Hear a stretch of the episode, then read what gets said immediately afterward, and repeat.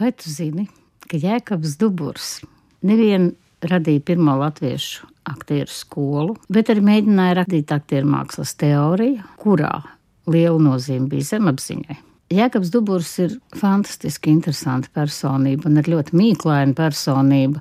Un daudz kas, eh, es domāju, ir jau aizgājis vēstures anālēs. Pareizāk sakot, daudz kas ir aizgājis vēstures anālēm garām, un diezgan vai mēs to vēl atradīsim. Bet eh, man bija liels atklājums, ka viņš vēl pirms Pirmā pasaules kara ir rakstījis daudz teorētiskus rakstus, kuriem acīm redzami bija jāapvienojas lielā aktieru mākslas teorijas grāmatā, kas saucas deklamācijas māksla.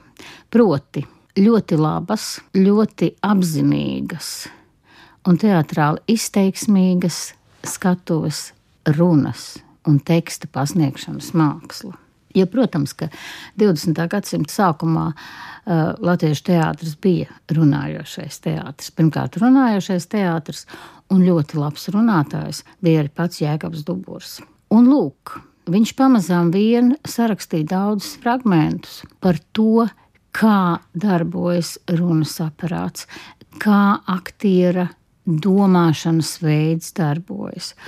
Un pats interesantākais bija tas, ka viņš pirmais sāk runāt par zemapziņu un par tās lomu aktieru mākslā. Un vienā no saviem rakstiem viņš atcerēdamies to, kā viņš lasa plūdoņa rekvējumu, raksta tā, ka tad, kad viņš deklamē, viena psihes daļa izprecējusies ārpus manas būtības, neierobežota telpā un laikā, mierīgi uzrauga visu neapzinīgo psihes darbību, noteikt vietu, kur īsti neapzinīgā psihes daļa, proti zemapziņa, sasniedz apzinīgo psihes daļu, nav iespējams, bet neapšaubāms ir pats psihes dualisma fakts.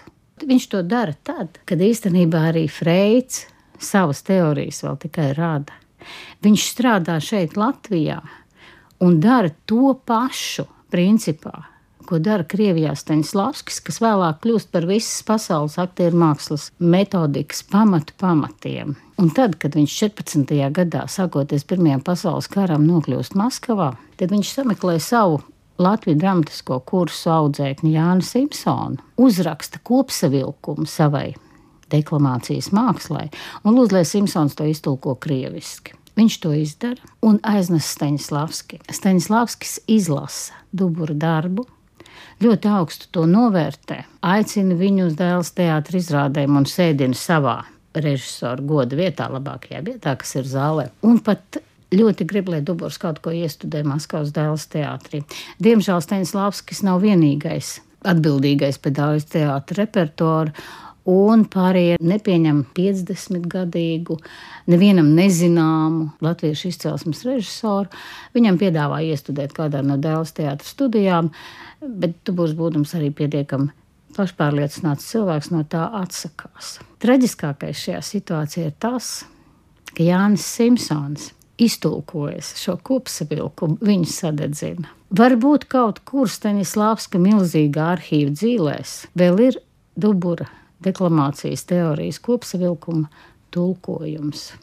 Varbūt. Atrasts tas nav, varbūt nav arī mētiecīgi meklēts. Diemžēl nav palicis tas, kas bija rakstīts latviešu. Bet tāds ir teātris liktenis. Teātris ir tieši šim brīžam, šim laikam, Un viss, kas nedara tieši šobrīd, vienkārši izšķīst lielajos kultūras ūdeņos.